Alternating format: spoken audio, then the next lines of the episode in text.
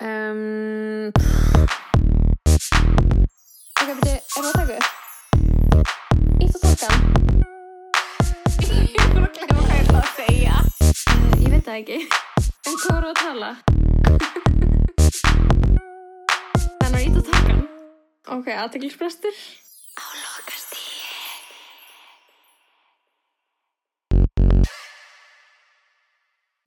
Halló, halló. Hæ, Hvað segir þú gott? ég segi gott Við erum bara hérna annað kvöldi í röð Í stúdíónu. In the studio Herri, já, við tókum upp tveggja tíma langt podcast í, gær með Oh God. sem að ég væri, væri örugglega bara gaman fyrir þá sem hlusta á þetta podcast að, hlusta á. Það- Við fórum í Erki óvinna podcastu okkar Nei, ekki Harmageddon Það var ekki búið okkur enn Heldur skoðanabræður Pældi við varum í Harmageddon Hvað ætli okkur, okkur er þú veist bóðið í Harmageddon til að tala um? Ég veit það ekki. Eitthvað svona cancel culture Skilur já, eða þú veist, erum eitthvað svona myndir neyðast til að taka okkur í viðtal eitthvað svona ef við værum að skipulega eitthvað svona viðburð eða eitthvað. Já, Það má koma að auðvitað leikrið okkar. Nei, já, ég, ég veit það ekki. Uh, svo ko kom eitthvað í ljós í gær að þeir eru ekkert endilega ofinnur okkar. En ekki við skoðanabræður. Já, sko Harmageddon er það óvinnur okkar Já, já, já, já, já. Þá En- við förum uh, í Harmageddon og mýgjumst líka upp þar Já, það er svo fyndið er veginn allir geta allir geta sínt eitthvað hlið á sér eitthvað já, góða hlið. Já, en skoðanabræður sínda sér góða hliðar í gerð Það er ekki næs. Jú. Fyndnir. Ég hef náttúrulega bara hlusta á eitt þátt með þeim sko Með Kolfinni, þannig að ég negin, og ég gerði það sko í gær, það kom ekki fram í skoðanabræðurum ég hlusta á þáttin í gær Já. til þess að vera eitthvað ég, smá. ég get ekki farið í þetta podcast án þess að hafa heyrt smá skilur Aha. það var skemmtilega að vera gestur í podcasti skilur og vera eitthvað svona með það stress ok, hvað er ég Já. að fara inn í bara, Einmitt. Hérna- Svo var ég bara throwing curveballs. throwing endan, curveballs sko. Já, ég, var búin að, ég var búin að hugsa ég ætla að segja hvað mér finnst um snorra. já, Og svo var ég hætt við. En svo vorum við búin að sitja þarna inni það lengi. Þú veist, það var bara klukkutíma og 40 myndur búnar Mhm. af upptöku. Og ég var eitthvað, ég var eitthvað, well, well, ok. Þú veist, við erum ennþá þetta, skilur við. mhm Ég ætla bara að segja þetta. Já, en það var líka bara, Það var geðvitt að sjá hvernig hann tók því. já, og ég, na, ég var meira bara eitthvað svona, ég ætla alveg að segja hvað mér finnst og ef mér finnst þeir vera, þú veist, pyrrandi eða hvað mér finnst pyrrandi við hvernig gaurast hjá sig, skilur sem ég gerði alveg, en það var ekkert eitthvað gæð mikil þarf á því, skilur Nei, einmitt. það var bara, Það var minnlust, sko. já Það var bara Þannig að- létt roast. Já. ekki, já. ég er samt bara í sjokki yfir að, að hérna, það sé fólk sem er að borga veist, 20 skall á mánu Já, nákvæmlega, já, við fórum alveg, það eru hjá 20 skona Skonabræðrum. patrons. Við erum komna með, ef að tekka hvað erum komið mikið að patrons Við erum komið með f- eh, 70 og, 84. meira, Já, Við erum komið með 84 84 patrons. Og þeir eru með 500 og eitthvað. Þeir eru með 87 lóa. Erum við 87? Já, Já. voru nokkur, það var svo ókslega fyndið, vorum að tala um Patreon gett mikið, sko, í skoðanabræðurum og ég lappa út úr podcastinu og þá eru þrýr nýjir Já, og já, var já. eitthvað svona eins og þeir væri svona Eitthvað Að að blessa okkur með einhverju Patreon orku. Já, eitthvað svona Aladín en höndin sem breytir öll í gull Já, að þeir væri eitthvað svona þannig fyrir Patreon og við værum svona nálægt Nákvæmlega. og fattar það mig? Já, ég er mjög til það sko. Við erum alltaf búin að vera að tala um það í svona marga mánuði að þegar við erum komið 100 patrons þá förum við út í drikk Stitt stíða Það. Finnst að við séum bara, við förum út í drikk Svo erum við bara aldrei búin að sitja á okkur. Við erum ekki búin að fara saman út í drikk Nei, við erum að- ekki búin að gera það. út af því að við erum ekki konar með 100 það bara, vantar bara 13 þetta er alltaf að koma sko. En ég var að hugsa bara svona er við einhverju gaurar sem að veist, hvernig, þeir, það er svona tippakeppni í gangi á þeim Já, svo sem til á Patreon já, görunum, ekki á þeim. gaurunum Nei, Hérna, það er ekki tippakeppni á milli bræðr, bræðrana Ekki mi- Snorra ekki- og, nei, og það er Begga. ekki. nei, alls ekki. Það er eitthvað svona alls vinátta ekki hérna, en á milli þeirra sem eru svo, hæstir á Patreon hjá þeim og það var eitthvað Jóhannes Haugur leikari eða eitthvað. Já, sem er hættur síðan. Sem er síðan hættur í tippakeppni var með eitthvað svona 150 dólar á mánuði og síðan er sá fyrir ofan sá sem efristu núna með 170 dólar á mánuði. Mér finnst ég sko vera að betla 5 dólar af fólki. Ég er bara please, en svo fattar maður það er kaffibólli Við erum ekkert að extorta fólk Við erum ekki að fjárkona sko. en ég En þú- hugsa svona fattar mig, þetta er svo lítill peningur. Veist, og alveg bara svona ég verið með eitthvað, oh my god. Við við erum smá svona sorry, skilur svo sorry, en, en þeir eru eitthvað svona Æði. Er eitthvað, ok, winning, skilur og, og, og það sem þeir eru að segja í gerðbarka, þetta er ekki eitthvað sjálfsagt. Og mér finnst það líka. Já, að þú til dæmis skilur auðvitað, ég er Patreon hjá einhverjum já, sem að mér finnst cool, skilur já, þetta er smá svona þetta er smá svona við erum komið með eitthvað svona dæmi þar sem þú veist, þú ert ekki kannski eitthvað að fara að kaupa geisladisk með einhverjum upptökum. Einmitt. Þetta er bara að borga fyrir content, skilur við Já, já, þú, já. þú veist, þegar Netflix fæstir, fæstir okkar kynslu okkar kynslu er svona áslutastöðfu og, Mhm. og eitthvað bla bla bla. Eða skilur við, þetta er svona Mér finnst það geggjað, ég var, ég var þetta Patreon. Ég held ég sem þetta hætti núna þegar ég var ekki að gepla einhverjum daginn og var ekki að reyna að hætta allum subscriptions já, og náði það loksins að hætta Nintendo subscriptioninu mínu sem var svona fyrir netið Já. í Nintendo mitt, sem var alltaf þýsku og ég þurfti að skrifa bref til þess að oh í. þíska canceli um, veist, en ég náði því, var 500 kallar mánuði. Góð, góð, góð spartnar ég, ég náttúrulega fyrir tveimur árum saði upp Amazon Prime UK áskriftinni minni sem ég hafði þess að fengið mér nýtt mér einu sinni þegar ég var búsett í London að næmi stuttan tíma fyrir svona fjórum árum eða eitthvað. Og flutt sér heim og bara eitthvað þetta rukkaðist, rukkaðist og reknaði þetta og 20 kall sem ég bara hendi í Jeff Bezos.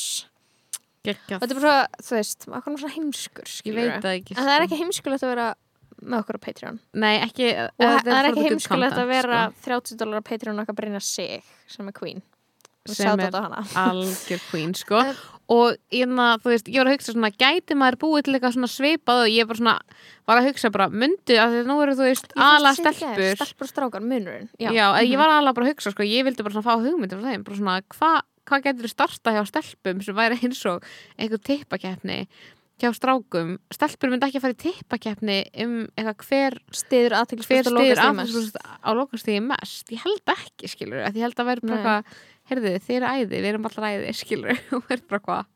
Mhm. og líka ég er ekki til, til stelpur eru ekki tilbúin til að henda pening í bull. Eins og það er bull að Ó, jú, styðja þá. jú, Jú, en, en svona, jú, já, en skilur þau svona bull sem þú ert ekki mér, veist eiginlega bara svona já, þær eru tilbúin til að vera eitthvað þú veist, borga ókslega mikið fyrir að fara í vaks eða eitthvað, skilur eða- ég tengi við það. eða kaupa geða dýra babyshowergjafir já, algjörlega, en svona en þær, svona, mér finnst þess að þetta væri smá sama með að konu fjárf, eru fjárfesta minna bara svona þær eru eitthvað svona, ok þetta er smá stór uppæð sem ég svona ekki, sé ekki beint, eða skilur Mhm. sem ég þarf ekki beint að, þú veist borga, Mhm, skilur mhm. En ég veit það ekki, ég var bara að hugsa þetta skilur ég var eitthvað svona, er þetta ekki bara pjúra svona teipakeppni að vera eitthvað í keppni um hver er að fara að borga meira? Þetta er svona, Jú, hver er að fara að leggja meiri pening á borðið? hver er að fara að leggja, já hver er að fara að leggja meiri pening á borðið undir í póker.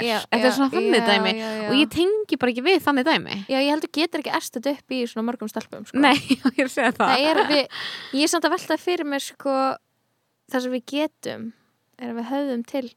saktakendarinnar já, við getum það. bara nú erum við að framlega efni og þú hlustar einhverjum einsta mánuði en þú getur ekki hent 5 dólarum í okkur. Einu kaffibólla þú veist, já, og það er svona við, við erum Já, meira að fá það. í þetta og þú veist, eins og þú veist alltaf stelp, konur setja miklu meira í góðgerar góðgerastarf já, nákvæmlega. Og, og það er pjúra svona acting out of guilt sko. Já, en Oh eða svona það eða við séum eitthvað svona vilt þú að þú veist skonabræður séum að herra? Já. En við, þú veist Mhm. svona búa það til það, svona, það, þá narratífu að það sé svona eins og að ég reyna að jafna launamenn kynjana með svona einstaklingsframlægi sem er alltaf fáruleg hugmynd. Mhm, en bara svona, mhm, bara svona styðja okkar baráttu í að verða ríkari en þeir mhm, þú veist að vera svona til svona fleiri girl bosses. Mhm. og er svo valdeblanda eiga peninga. Það er svo aldrei það er svo ógeðslega þannig að farið endilega inn á Patreon aðeinsbæsta lokastíði bara og um, gerið þetta bara, græja þetta bara. græja þetta. Bara. Um, Þannig að, má ég Já. segja, segja þér eitt. Mhm. ég, Við vorum nú í miklu stússi hérna aðan já, sannarlega. Vá, við, það var tveggja, það var bóstalega tveggja klukkutíma langra aðdraðandi að potu upptöku. Og það var óslega næs og Það var næs. mér finnst svo næs þegar við þurfum ekki að rjúka inn og út Já, já, það er og það er líka alltaf svo steikt út þegar ég er alltaf bara eitthvað í miðju samtali við þig og svo erum við bara eitthvað farnar að þjóti burtu skilur frá kronari Mhm. það geðið svona eins og að reyna að hitta vinkonu sinni í kaffi í klukkutíma. Já, bara, og maður er svona þarf að fara á slæginu. Já, það er, það er svona, það, er svona þú veist að etja samtal. Mhm. Og líka svona stundum koma alveg vikur það sem að bara við hittum spara hér, eða skilur já, En svo nákvæmlega erum get busy. Kannski skána núna, nú erum við báðar eða skilur Kannski minna busy, right? ég klálega minna busy. Þannig að Mm. mér langar að segja sögun af nóttinni minni. En þannig að mér langar líka bara sko að lefa hlustendum bara segja hlustendum frá lægi sem að Miley Elton John, Yo-Yo Ma og svo fleiri listamenn voru að setja inn á Spotify núna. Þetta er cover af Metallica-læginu Nothing Else Matters. Og þetta er Ú. bara þetta er svo geðið, ég fattaði ekki fyrir en að þú veist, ég sá hún hefði sett þetta inn að þú veist, ég elska þetta lag. En ég elska ekkert endilega að vera alltaf að hlusta á Metallica lægið, skilur við það er eitthvað svona, ok, það er alveg stemming að setja stundum á í bílinum, Já, en það var geðveikt að heyra Miley syngja, ætla bara spila smá. Og því að hún er með svo geðveika rödd. Og þetta er geðveikt lag. Bara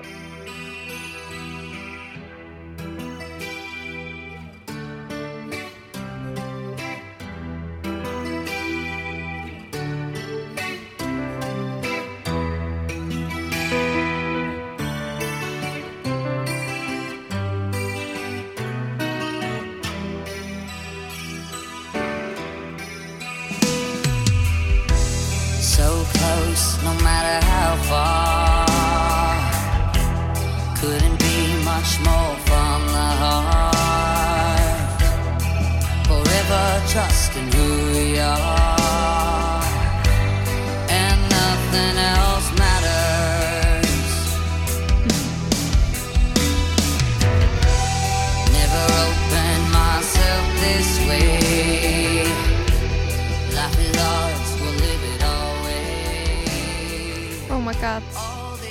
hún er fáranlega rödd sko. Og svo er svona, það er svona Yo-Yo Ma solo.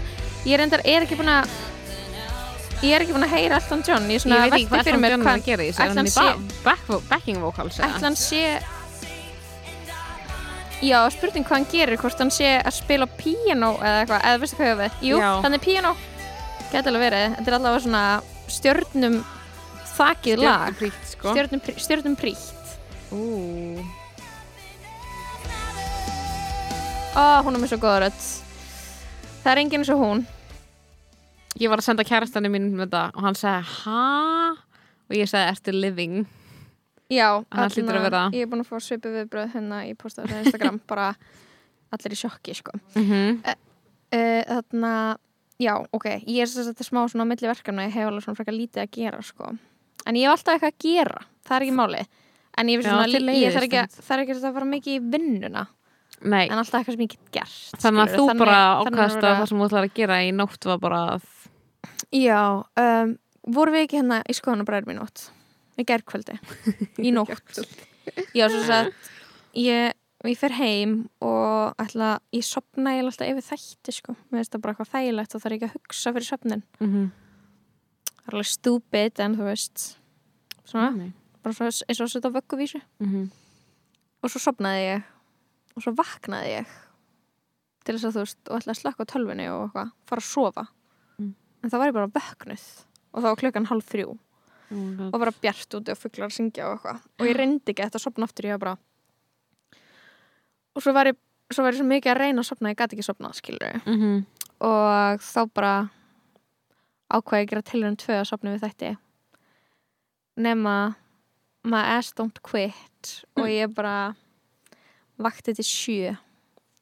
Var eiginlega bara svona að taka all-nighter Já, og það var fucking geðveikt. Og því að ég kláraði alla, ég var, ég var í fymtu seríu og ég kláraði alla fymtu og alla sjöttu seríu af Silicon Valley sem ég held að þú hefur ekki hort á. Nei, að þarf ég að horfa á það? Já, sko, það er ógeðslega fyndið út af því að anna, anna premissin af þáttunum, skilur við er bara, ok, þetta er reyndar HBO þannig að það er alveg vottun um mm -hmm. good quality TV home box office. Mhm. uh, en það er eitthvað svona já, þetta fjallar um gauðra með startup og það eru bara gauðra þættinum og maður fæði svona eitthvað þú veist, þetta er ekki veist, já, eitthvað, æ, ok, þetta er ekki fyrir mig skilur, já. eitthvað svona, gauður með startup. Ég held þetta væri svona ókslega mikill tæknihúmor Já, uh, turns out að það, það er þannig, sko. Þetta er mjög mikill svona tech, Mhm. tech world jokes. En þetta er bara ógeðslega finnir þættir og þau eru gett spennandi skilur, og maður er alltaf að reyna þú veist, maður er alltaf að reyna að sjá það og reyna að lonsa þessu og verða ríkir, skilur já. og alltaf, alltaf eitthvað mistakast og eitthvað svona stór fyrirtæki að koma og stela hugmyndinni og durru og karakterinir eru sér bara svona forritara nördar skilur en ég dyrka þá. Þetta eru geðveiki karakterar. Ok. um, þetta eru ógeðslega fyndið ógeðslega fyndna típur um, sérstaklega Jared sem er aðstofamæður sem er leikin af hana gaurnum sem leikur Gail heitir hann ekki Gail? Nei, Í ekki? Office Gabe, Gabe, Mm, Gabe í já. Office hann svartherði Já, hávarsni já, já. sem að byrja með Erin Já. sem er leikin af hana Kimi Schmidt Mm -hmm. leikoninni og hann er ógeðslega fyndin um, en einmitt þetta er svona fimm gaurar, nei fjóru, fimm gaurar og eitt svona kýmverskur sem er líka ógeðslega fyndin og um, ég fattaði bara að þú veist maður heldur eitthvað, maður sé ekki inn í tech Mm dæmi skilur, en maður veit alveg fyrðurlega mikið um það Já, skilur já, já. maður veit alveg, þú veist, maður fattar skilur það, það sem gauður byggður á Zuckerberg og þú veist, þetta er þarna Sheryl Sandberg, þarna Lean In, þarna gellan sem að var uh, hún var röglega hjá nei, hún var ekki hjá Amazon uh, já, hún var hjá stóru tæknifyrirtæki skilur, svona Mm. girl boss ógslag köld, skilur Mhm. og, og og, og þetta er svona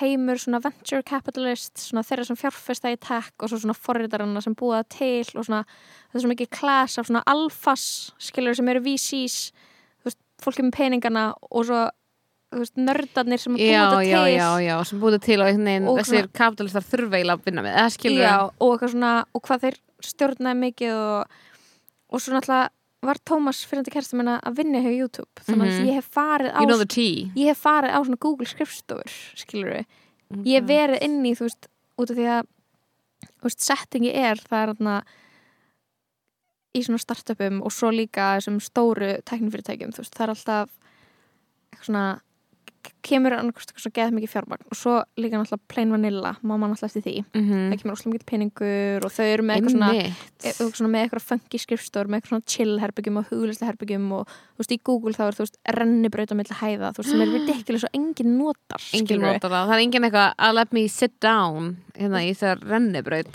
Og þú veist, ég fór í hana kaffeteríun nokkur sinnum skilur hjá Google og það er ókslega góðu matur og það eru nokkur Mhm. mismunandi veitingastæðir inn á vinnustanum og þú veist, allavega Google í Söriki ég held að það sé bara öllum, á öllum Já, Google já, já. skrifstofum það er þú veist, einmitt, kannski stara skala, þú veist, í bandaríkjunum eða who knows, eitthvað. Já og það er eitthvað svona já, nokkuð, þú veist, það er ítalsku veitingastæður asísku veitingastæður og svo svona kaffeteríða með alls konar mat og þú veist, það er þetta var morgumat, hátegismat og kvöldmat. já, og það er skilur það er þetta fyrir klippingu vinnunni, það er þetta fyrir gymmi vinnunni, styrstu, það er þetta þá þvottin það er þetta fyrir nutt, hugleislu og þetta er bara basically þannig að þú þurfur aldrei að fara úr fokkin vinnunni. Einmitt. Og það, veist, það er málið, þú átt að vera að vinna endalaust og, og það á að vera svolítið hot veginn.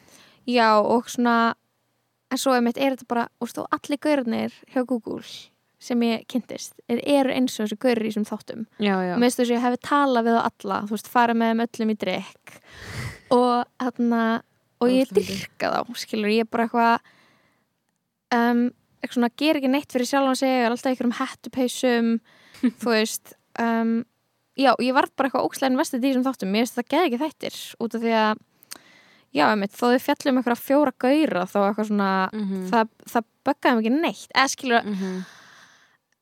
ekki það ætti Vá, eitthvað að ég- bögga mann en svona fattar að maður er eitthvað alltaf að horfa á eitthvað svona Mhm. með konum og sterkum hvern hlutverkum og það hefur verið kannski svona í smá svona uppáhaldi hjá manni já, já, já, en þarna var ég bara eitthvað já, til í þetta. Já, gett til í þetta. Og þú veist, það er eiginlega engin svona rómans í þessum þáttum. Já. þú veist ekki þú veist ekki að fylgjast með eitthvað svona pari verða til eins og í office já, eða eitthvað skilur um, maður er bara eitthvað að reyna að láta eða fylgjast með þeim reyna að landa ykkur fyrirtæki. Einmitt. og já, ég bara eitthvað var living fyrir þetta og klára þetta og vakti þetta í sjö og ég var bara, hvað er að mér? Mhm. en það var svona ókslega gaman. Vá, ég er sko bara eitthvað voru líka ókslega erfitt að sofa í þessu veðri Já, og það er sól, það já. sko. En ég er bara eitthvað svona bara eitthvað að horfa á gamlar seríu var Real Housewives of Beverly Hills þessi ókslega margir sem er að horfa á það á Netflix þetta er eitthvað svona gamlar seríur einmitt mm -hmm. er það Og- góðar? ég hef eitthvað aðeins kíkt en- sko, ma ef maður dettur inn í það ef maður fílar umlöku sjónvarp Mhm. þú veist, mér finnst þetta næsir umlöku sjónvarp að þetta er bara svo íkt skilur og þetta er einmitt bara svona ígjörnar í þú veist lífstílnum og Mhm. að vera stupid ríkar gælur þú Mhm, veist mhm. og óþart drama og ég elska það sko ég verð mjög investið en ég verð okkur að fyndin að því bara svona, ég fæ svona smá þörli sem við langar bara svona til að vera í útlöndum við vinkonum mínum og byrja að rífast við þær fattur hvað ég meina? Mhm. ég fekk svona þannig, það var eitthvað svona að gera til þáttunum ég var eitthvað, I miss this eitthvað svona, eitthvað svona ég og svo gaman eitthvað svona, já, og svo er það bara eitthvað auðvitað er það ekki gaman, eða skilur hvað ég meina bara svona, en ég var eitthvað, ó, var til ég að vera með öllum vinkonum mínum í mjög intens samveru í nokkra daga sem að verður alltaf intens verður meira intens og, og endar þannig að einhver verður gett fúl Mhm. eða fyrir að rífast Mhm. og það verður drama svona milli nokkura Mhm. eitthvað svona, að allir ákveða að Úff. hætti þessu skilur ég hef ekki verið í svona- drama svo ógeðslega lengi Nei, ég held, nei, ég held ekki heldur. Ég er Ah, að hugsa bara eitthvað, þú veist, hvað Já, Æ, þú veist, ég, en þekki maður ekki vinkonum sína líka bara svo vel einhvern veginn núna? Já. að að þú veist, ef ég færi bara að rífast við vinkonum mínar sem væru, skilur, Solbjörn Ástís og þegar við erum allar bara þú veist, þrjár eldspýtur og veiring svo bilitt, skilur Mhm. uh, og það hefur oft gerst skilur en svona núna væri uh, það svona gerist alveg en það er alltaf bara eitthvað funny og þú varst bara eitthvað ah, við gerum þetta alltaf. Að ég skilur hvað ég meina, ég er ekki að vera eitthvað svona við erum alltaf með drama, ég er bara svona ef það myndi gerast þá væri ég bara eitthvað þú veist, þegar ég fer með vinkonum mín til útlanda og einera er eitthvað að haga sér eitthvað einn sem ég finnst eitthvað pirrandi að mér eru alltaf finnst það pirrandi. Skilur hvað ég meina? Mhm. Ekki Það er maður bara eitthvað- það er ekki neinn pása. Já, maður er í útlöndum. Já, og Það er ekki neinn pása þannig að allt í næstu eitthvað, ó, þetta er meira pyrrandi en mér finnst það Mhm. almennt, eitthvað. En á saman tíma þá er bara svona elska ég samt að eiga þessi samskipti þegar þið enda ekki, þegar þið er við bestu vinkonu einar og þetta er ekki út af einum alvarlegu, skilur hvað meina Mhm. þú ert eitthvað lashing out og þú ert bara með einhverjum vinkonum og þú enda að vera eitthvað að við erum svo miklu eilar og svo er bara allt gott aftur Mhm. mér leið þannig að horfa á Real Housewives sem ég langa alltaf, gerir svolítið ekki að þeim sko, hjá þeim er náttúrulega bara toxic samskipti sem að verða bara hræ enn verri Mhm. og allar eru róslega vondar við eina og eitthvað skilur einelt í gangi en ég á bara eitthvað sakna þess að fara í einhverjum svona stelpuferð og það var fyndið að það var svona neikvæði hlutin af svona því sem að getur verið eitthvað stelpuferð uh, Sem að sem að kveikti. let mig kveikti svona söknuðin minni þær, fattur hvað ég meina? Mhm. það er ógeðslega funny en ég var bara, oh, living. mér leið þannig skilur ég að horfa horfa á Silicon Valley sakna þess að vera með gaur sem er alltaf að vinna. Og var eitthvað svona þú veist, ekki þú veist, það er svo fyndið já, eitthvað svona ég, hef aldrei, eða, þú veist, engin vinkona mín hefur verið með kærasta sem er forritari skilur og hann hef aldrei getað eitthvað svona talað um þetta viðneitt skilur en hann er bara, bara alltaf vinnandi og varðani, eða þú veist, var að klára masterskráði þegar við byrjuðum saman mm -hmm. og það var bara, þú veist, bara eitthvað þú veist, það er bara svona hvít, hvíta töflur og töflutúsa, eitthvað svona starffræði og, og eitthvað svona, leið eins og ég væri með eitthvað snilling, skilur við þannig að það er bara a beautiful mind já, eitthvað svona, oh my god þú getur þetta, ég skil ekki hvernig þú getur þetta. Og Já, maður er svona já, ókslega já, já. impressed en Já. líka bara ókslega leðilegt að mannska svo með er alltaf upptekinn, alltaf að vinna, skilur við en eitthvað svona líka ég, mér þykir bara eitthvað svo vænt um þú veist, svona karlmenn sem að þú veist, þeir eru svona tilbaka og feimnir, skilur og láta lítið fyrir sér fara ekkert eitthvað allir tech-görur en Mhm. mjög stór partur af þeim mm -hmm. það er líka til þarna görurinn sem eru svona þú veist, svona gett eitthvað all talk, skilur svona alfa eitthvað Það meina gaurið sem skilurðu. allar á 100 ára sem ég Já, hvað heitir sem já. að ég er actually sátt við núna en hata það einu sinni Já, og þarna þeir eru bara eitthvað svona svona eitthvað dúllur, eitthvað svona algjör replar og ég Mhm. var eitthvað, vá, ég er með svo mikið weak spot fyrir þessari típu bara eitthvað svona, eitthvað litlum repli sem að klæði sig bara í einhver föt og bara eitthvað ógstlega klár en þú veist, samt ógstlega erfitt með öll önnur samskipti Já, ég er bara með ógíslega mikið weak spots fyrir þessu ég, hann Já ég var alveg skil in love hennar, sko. with them all sko, sérstaklega Gilfoyle sem er leikin af þarna Martin Starr sem að leikur þarna háa svona gauður með glerun í and Geeks svona já, já, mjói já, já, Hann- já, já, það er allir með viksport fyrir honum, er ekki?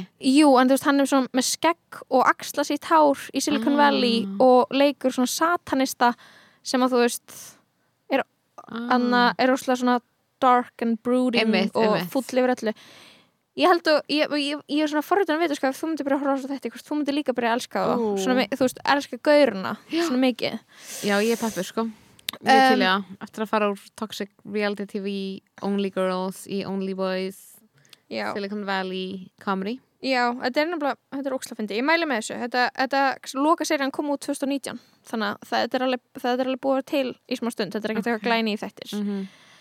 en uh, já hvað ætla að segja? Uh, Við ætlum að tala um forriðarar, já við þurfum að tala um hérna íslenska auðlýsingu sem kom út í vikunni. Ég Til í það? Ég, ég til það, ég er orðlaus ok, ég er ekki orðlaus. Þarna, hérna, ég er búin að draga upp mér langar bara að byrja að lesa fréttina Króli og Rakel Björk gef út dansmyndbandi smellum saman. Ah, smá misvisandi auðlýsing eða skilur lýsing. Þetta er ekki dans veist, þetta er, þetta er auðlýsing og Króla og Rakel Björk er ekki gefið út pipar Já, er það ekki bara skrítið? Þegar ég fæ ekki væpið að þau séu bara að Króli hafi hringt í Rakeli Björk og sagt hei, eigum við nei, að gera lag saman? Heldur að auðlýsingarstofa hafi kastað þau í þessu auðlýsingu því já, þau kunna bæða að syngja og eru mjög sæt. Já, en skilur hvað ég menna? 100% en einhver sendi mér á þetta og þú veist, sendi mér bara lægið og þá var ég eitthvað svona, voru þau að gefa út þetta lag? Já, ég hugsa- já, já. ég hugsa ekkert mikið um það, ég hugsa bara eitthvað ok, við vorum Já. að gera lag saman sem er fucking grillað en svo fer ég inn á vísi Mm. a few days later og þá er eitthvað svona, þetta er auðlýsing þarna erum við að sjá. Ógeðslega fyndi svona fyndin samrunna svona tónlistafólks og auðlýsingastofa það sem að auðlýsingastofa fyrir eitthvað fyrirtæki býr til lag já, og listamennin er eitthvað að gefa út. Þú veist, og það er eitthvað Króla Rakelberg gefa út ko, eh, um, ko, í, í dag kom út nýtt lag og myndband frá Króla og Rakelbjörg. Um er ræða kraftmikinn sumarsmell um ástina lífi og mikilvægi þess að smella saman. Ha. En á ég segja Hver talar svona? já, en þetta er náttúrulega eitthvað svona? fréttatilkynningu. Mikilvægi þess að smetla já, saman. og það er ekki verið að tala um að smella saman eins og fólk að passa að smella saman. Já, þetta er örygg- öryggisbelti já, þetta er öryggisbelta ok, vitundavakning Já. um að mikilvægi þess að Ó, þetta er svo mikið, ég Hérna, spenna ekki gera sætisbeltin. bara auglýsingu sem er bara infomercial um, þú veist, ok, allavega, ég ætla að halda fram Mhm. að baki læginu smellum saman er jafnframt bóðskapurinn þú veist, er jafnframt bóðskapurinn, nei, fyrst og fremst bóðskapurinn, Mhm. Ekki látið svo þetta sé eitthvað poplag frá þeim, ok okay. poplar á þeim og það er svo eftir það já reyndar er það líka já, fyrir- hættu Ha. Ok, jafnframt bóðskapurinn um að við smellum öryggisbeltunum á okkur áður en lagt er á stað í hverja aukuferð. Ok, ég vissi ekki svona að þetta væri vandamál, en ok. Í stað þess að veka aðtegli á hörmulegum afleðingum vísa lægið sem á myndbandið til jákvæðni, gleði og vináttu og virðingar fyrir okkur sjálfum og öðrum. Þetta er Galaxy Hold Brain auðlýsingarstofa Ok, ég ætla að spila lægið, en ok, það er meira. Á hverju ári slasast alvarlega og látast einstaklingar sem allar líkur eru taldra að hefðu sloppið nánast ómeittir eða hefðu nota öryggispelti. Öryggispeltin eiga og þurfa að vera hluti af daglegu líf okkar, okkar allra, rétt eins og ástin, vinatan, gleðin og samband okkar við fólk sem okkur þykir vænt um. Það getur við tryggt með því að smetla saman. Oh my god!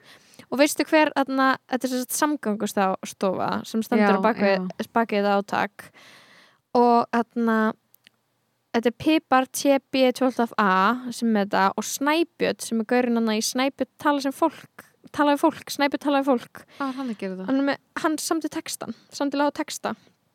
Tónlistin er framleita af Hafsteini Þráinsinni Króla og Starra Snæ og þetta er bókstala Sorry. Og þetta er svo og þetta lag er þú veist, þetta er og myndbandið myndbandið er náttúrulega verra skilur en þetta er bara æ, þarna, þarna var Ég held þannig ég, sé, ég svona veit hvernig lægið er sko, sem að svona eru röglega vittni um að sé með Katsi. Er þetta ekki Lagi, Smellum saman. Ég ætla- ég ætla að spila uh, ég fór ást út í fréttinu og ég ítti á okkur, okkur link. Byrju, hérna, sko um, þetta er þetta er svo asnalegt að þetta sé gert svona. Sorry, hérna. Öll við þráum sannanlega tryggð og tröst Við trúum því að öryggi sé endalaust. En hamingjan er brotætt þegar hættan stefjar að. Svo er nú það. Lukkan stýrir okkur yfir lífsins veg. Léttúðin er sannarlega hættuleg. Við förum okkur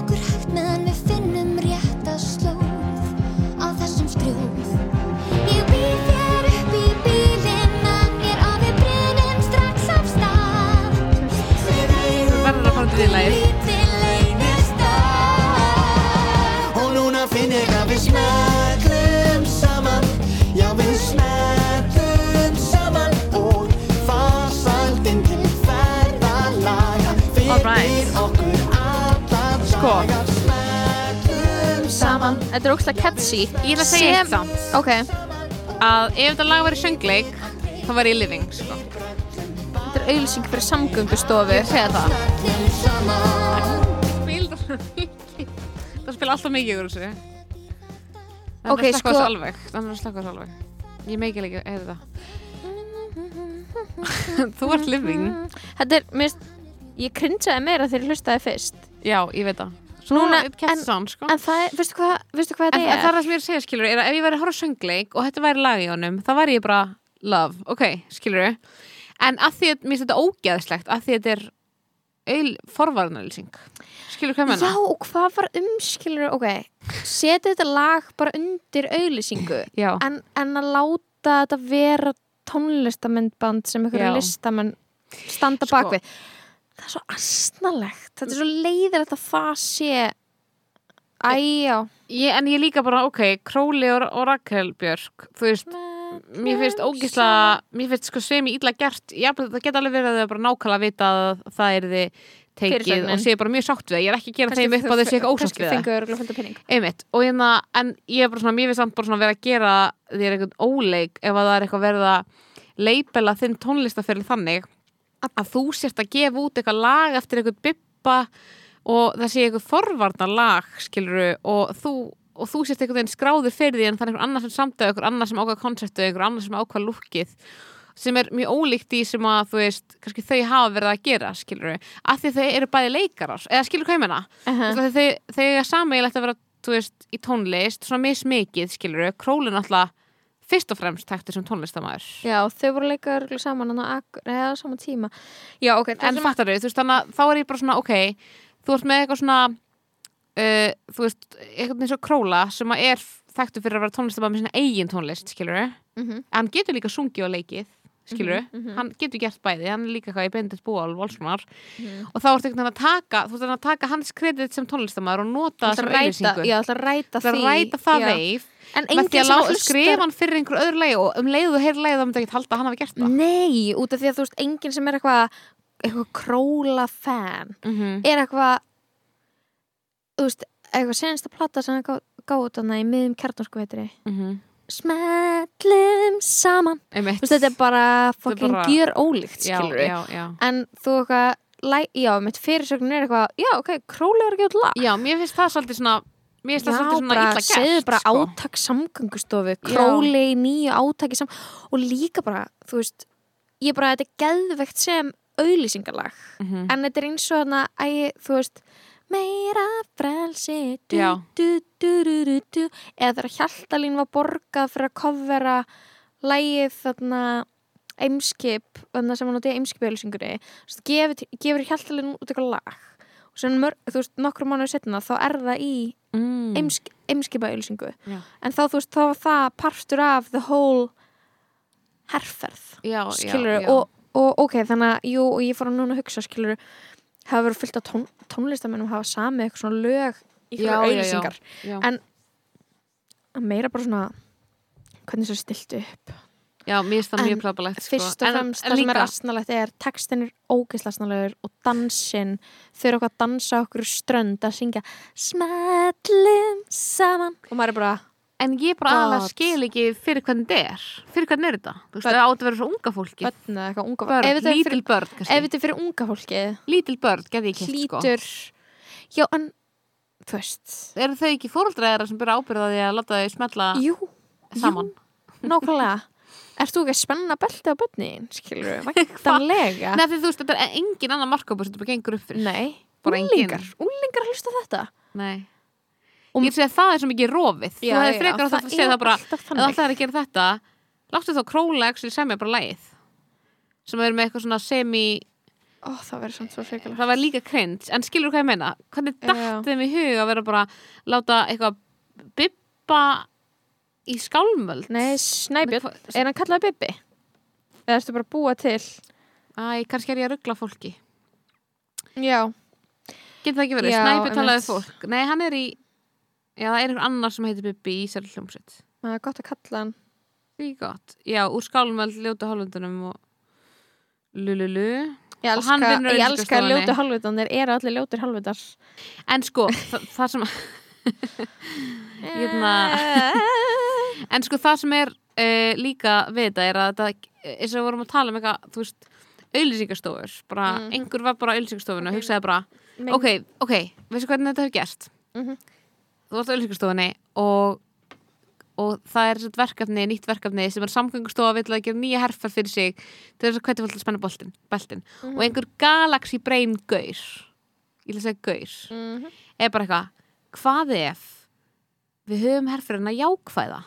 En ekki neikvæða eins og svona herferir er alltaf. Skulum ekkert vera að minna fólk á þetta, þetta sorglega og ógeðslega sem gerist í þetta bílstlýsi er svona matmenn, þetta er svona eins og matmenn svona uh, hápunktur ykkur þátt í matmenn þar sem hann svona selur ein- einhverjum lekkistræk sígarettur, skilur þau Já, mitt og þú veist eitthvað ah, iconic, hann gæti selt þetta hann er svo fucking klár, eitthvað svona þú veist, Já. það er momentist að þau voru að eiga á pipar þar sem einhver var bara ah, þetta er jákvætt, þetta er söngleikur. Já, nákvæmlega. Og mér finnst við bara að vera komin að eitthvað svona stærra vandamál í samfélaginu sem er eitthvað svona eins og þegar hefur ekki farið hefur ekki verið í einhverjum aðstæðum þar sem einhver manneska kemur og ætlar að tala við ykkur um þarna bara svona grænfræðsla eða Já, vera að tala já. um loftsasmál eða eitthvað og þetta er eitthvað svona típur sem er eitthvað svona við viljum ekki fæla fólk frá og gera stressað, við ætlum að fá fólk í lið með okkur með jákvæðinni mm -hmm. og eitthvað svona og það mun skila betri árangri ef að þú veist, fólk mun svona automatist eitthvað svona meira blokk þetta og ekki vilja taka þátt í því að Mhm. flokka og endurvinna ef það er ekki eitthvað svona með eitthvað um jákvæðum formörkjum og Mhm. dururururu og mér finnst það bara svo þú veist þetta er svo eitthvað untrue og þú veist já og bara eitthvað svona þetta er svo innan tómt skilur þegar þú ert farin að taka eitthvað svona, svona stórst og hefði og ætla að pakka það inn í eitthvað svona deilkarningi jákvæðan pepp bóðskap mér finnst, mér finnst þarf ég alveg að selja fólki að nota bílbelti. Ég er sko upp á síkasti búið að vera að keira smá án bílbeltis þannig að ég er Markópurinn greinlega, út í að ég er stundum að keira bíl sem að bípar ekki ef ég spenn ekki. Já en þú veist, Ég held að það sé bara, það er bara það sem hvetur mig til þess að já, það bara er bara slakka á besta fokkin bípinu skilur við Já, en pældi hvað þetta er besta inna svona manipulative uppfinning sem hefur verið til að því ég fæsti alltaf bílbeltin af þessu. Bara þetta svo þetta er hljóðið triggerandi. óþólandi en ég, þú veist, En akkur ertu ekki bara með einhverja herfer sem er bara setjum svona í alla bíla? Það myndi ég alveg að virka betur. Fattur hvað ég menna? já, Þú veist, bara allt myndi virka betur en að ég sé eitthvað eitthvað samviskubit en málið er að hræðslu óraðurinn virka bara 100% þarna því ég man bara eftir að sé svona auðlýsingu þar sem einhver var bara, einhver með einhver svona tölfræði bara, þú bara drepst eða skilur bara hvað þú Það og dreipur alltaf hinn í bílnum. Ég dæmi það sem einhver eitthvað, þú dreipur alltaf hinn í bílnum ef þú skell, það bara, Já. that worked. Já, that worked. Bæntanlega skilur og bara eitthvað, þú veist aðna, þetta er svo stúpid út í að lefðu okkur, hrættum hann bara frá því að gera eitthvað sem er hættulegt í staðan fyrir eitthvað svona reyna að peppa alla í það að finnast það gaman að spenna beltin. Hvað meina, getur ekkert verið gaman að spenna belti bara hvað er að þér, það er aldrei gaman að það er svona spenna eins og, belti þú en þetta er svona smá eins og með smokkin Smen- Ah, fattar hvað ég meina? já, segðu öllum bara að konur fái bara Já. HPV og krabba það er ekki svona, það er alveg eins það er ekki ljúa, ekki vera bara, það er alveg eins að nota smokk og þú veist, bara nei, þú veist en við þurfum að gera, það er illnöðsinn skilur, já, bara fara þá leið. Það er, þú veist, hinn leiðin virkar ekki. En þá fólk bara, ok, það er ekki gaman en að heitis, skilur já, vá, emmitt, vá, við tölum við tölum að svona smokka í gær og ég var bara eitthvað smokknum var bara drop it like it's hot. Það eru bara allir hættir að nota smokka. Líður manni, það er svona þannig sem fólk talar. Já, fólk er bara í kringum mann eða eitthvað svona, mannsku út í bæ er bara að fara heim með eitthvað um svona getnavarnir mhm. og svo einhvern veginn díla við það eftir á. Já. Í stæðan fyrir að díla við það í við mómentinu veitum ekki nógu mikið sko, hvað HPV getur verið hella, sko. eða fattar þau, hvað HPV, getur leitt til krabbameins já, og, og sveppasíkingar og eitthvað þú veist, fólk er bara out here sko, með sveppasíkingar every day og er bara ekki undar smokk. Já, og það er verið út af, því að smokkurinn var atna, gerður eitthvað svona ábyrg kallmanna eitthvað svona, eitthvað passaði að gera ekki konu ólita og þeir náttúrulega bara skilur pull out, skilur, bara löngu hvað vita það alveg, skilur, já, bara fæða eitthvað annað, skilur, ok eða vonu hún sé á pillunni. Í stæðin fyrir að hugsa bara eitthvað ok, uh, er ég bara að bera sjúkdóma á milli, skilur ég veit það. Kannski COVID getur hjálpað með þetta. Nákvæmlega, ég, COVID. ég var gríman maður. Gríman er svona dæmi sem að þú veist ég er búin að sjá svo mikið að fólki vera eitthvað á Twitter eitthvað, trúi ekki að fólk segi alvörunni hætti að nota grímu. Bara svona sama dag og bara heilbriðisíðvöld eða þú veist, eru bara eitthvað er ekki lengur grímuskylda? Og, eftir, og fólk var bara eitthvað ég trúi ekki að ætla að fara eftir þessu. Eitthvað, hvað meinaru? bara akkur heldur ég ætli vilji vera með hann að degi lengur heldur en ég þarf? En líka mér er það svo skrítið að þú veist, vera eitthvað, heyrðu, við þurfum að fylgja stjórnvöldum að í einu öllu, skilur í þessu. Að og maður grímu, að ok, grímu. ok, ok skilur Mhm.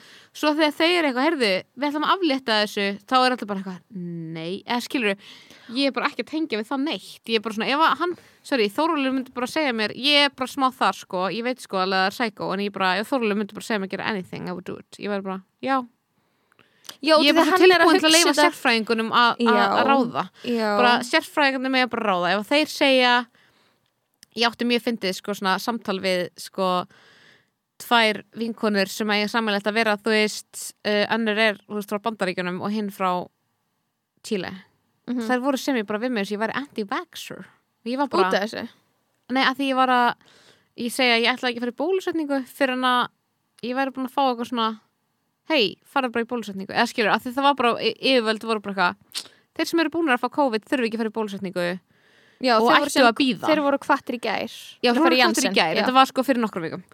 Og, og hérna um, já, sem sagt, þú veist og ég var bara eitthvað, ég ætla ekki að fara í bólusetningu ef að Þórólur, ég treysti því bara að, að það væri bara búið að segja mér það ef að, að þau voru bara, þú getur fengið annað afbreyði og ég var eitthvað já, þú veist ég ætla alveg að ég get alveg þau mér hendunar og passa mig, skilur mér langaði svo ekkert En- að fá bólusetningu en ég fekk hann samt. Æ, fattur hvað ég meina, bara svona ef Já. einhver er að segja mér í bólusetningu sem er ekki ykkur þitt Akkur ætti þú að vera eða að hlaupa- af hverju ætti þú að vera að hlaupa í ég í bólusningu það er engin smit á landinu og Nákvæmlega. ég er hérna, með ónæmi og það er bara kannski einhver annar sem að ætti bara frekar að fá það á undan mér. Og ég er ekkert eitthvað að skilur þau, ég er bara eitthvað svona En það er, þú veist, þetta, þetta er svo fyndið, þú veist, að þetta sé eitthvað, þetta er eitthvað svona merkjum, eitthvað svona pólitík, bara eitthvað svona, bara, þú veist, eitthvað, bara að þurfa að öllu leiti alltaf að eitthvað svona hugsa ekki bara um sjálfan sig Mhm. þegar, þú veist, það er bara það sem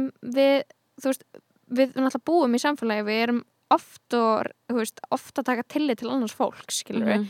Íslandingar er náttúrulega sérstaklega minna heldur en aðra þjóðir við erum örgulega ótillitsamasta þjóð sem til er. Stöndum ekki röðum, ignorum personal space Mhm. grípum fram í, riðjumst þú veist, við erum bara óþólandi Mhm. ég bara þóla okkur ekki. Mhm.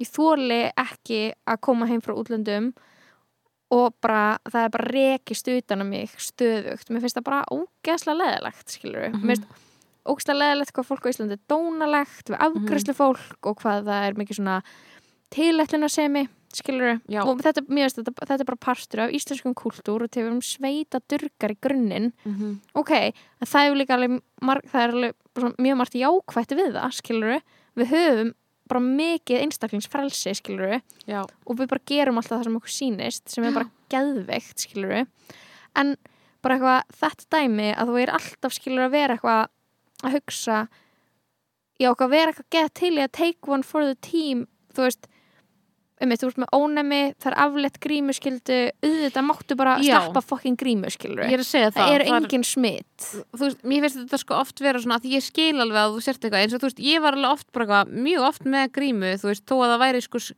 ég er búið að gefa út eitthvað að þeir sem væri með ónæmi þyrftu teknilega ekki að vera með grímu en þyrftu sína vottorð, bara sjansin að ég myndi nennan því, þannig ég var bara, ég verð bara með ég ekki að láta ykkur, ykkur gamalli konu líða óþægilega í liftu, Já, vera skilur eitthvað, vera eitthvað ógnandi sem eitthvað Já, ég er að nákvæmlega. ignora eitthvað, já, Já, nákvæmlega, en þú veist já, en bara svona, hvað, fólk veit ekki neitt, þú veist, fólk elskar að vera að setja sjálft sig í svona stöðu þar sem það er eitthvað með svona moral já, og það er búið að gefa út eitthvað, þetta er lögulegt skilur og þú veist, hver ætlar þá að fara eftir? Þá get ég bara alveg eins byrja að fara eftir hverju sem er.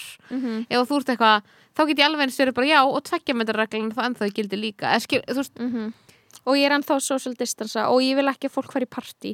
Já, einmitt. Þú maður bara eitthvað svona, hei, að þú veist, við erum þú búin að verður vera að ákveða eitthvað mælikvarða þú veist, og ég er bara búin að ákveða að það er ekkert eitthvað svandís, það er bara þórulum að menn, já, for þú veist, einmitt, mér veist við, það er svona magna hvað við þarna hvað í COVID kom fram svona sterk þörf í fólki til að skamma annað fólk. Já, svona skamma stjórnast, skipta sér af Mhm. Og þú veist, einmitt, vera að geta að beita, skiluru eitthvað svona félagslegu taumaldi og líka eitthvað svona virtue signala ógislega mikið bara ég er eitthvað svona, ég, ég man eftir svona momentum um það sem að skilur faraldrin var í eitthvað svona frekar mikill í lægð Mhm. eða eitthvað svona og þarna, og þú veist einhver, það var búið svona aflita einhverjum takmörkunum og þú veist, fólk var eitthvað í kringum jólin, eitthvað hans að hittast eða ok, síðan þá var endalega frekar mikið af COVID en svona á okkur svona tímapunktum þar sem að þú veist, einhverju voru alveg að hunga saman það var ekki eitthvað svona lockdown Mhm. og fólk var bara á Twitter bara ég er ekki búin að hitta neitt í tíu mánuði og þeir eru bara að gera þetta og vera ekki mikið fórnalum Mhm. eitthvað sem því var ekkert bannað að gera Já. skilurðu. var ekkert eitthvað svona þetta voru aðstæðar sem var maður fattaði ekki að til dæmis það var eitthvað svona hérna, æ, bara eins og gamalt fólk skiluru mm -hmm. uh, þó að allir væri farin að gera eitthvað aftur þá máttu ennþá ekki heimsækja fólk allir heimilum já. var bara geðvett sorglegt. Og það er eitthvað svona gamalt fólk má vera skiluru með Twitter og eitthvað. Þetta var bara fólk sem var bara búið að ákveða með sjálfu sér ekki með undirleikjandi sjúkdóma þú veist að koma alveg fram í þræði skiluru Mhm, sem var bara svona eitthvað svona taking one for the team. Eitthvað svona ég ætla ekki að heita neitt nei, þú ert bara með víðáttufælni og bara og kvíða og sjú og þú ert bara komið með skilur þú ert bara með na, svona já, Þetta- manneskja var ekki á öllu heimili skilur það er verið fræðilegt þú ert með skilurðu. heilsukvíða já, og því ég skil líka geðveitt vel að COVID tryggir heilsukvíða hjá fólki. En þú veist, work on that. Já, work einmitt. on heilsukvíðin þinn, skilur já, ég, ég fekk alveg heilsukvíða líka eða þú veist, ég fekk að því leitinu til að að ég var með eimsli eitthvað þá fór ég í COVID-próf. Út af því að það var bara að vera að segja við mann bara eitthvað, þú veist, bara eitthvað hvað það væri smitandi og durru. Og, og, og þú veist þannig að maður var eitthvað svona stressað þá en ég meina núna stíða með flensu í þú veist tvær vikur um daginn ég fór Ég ekki í COVID.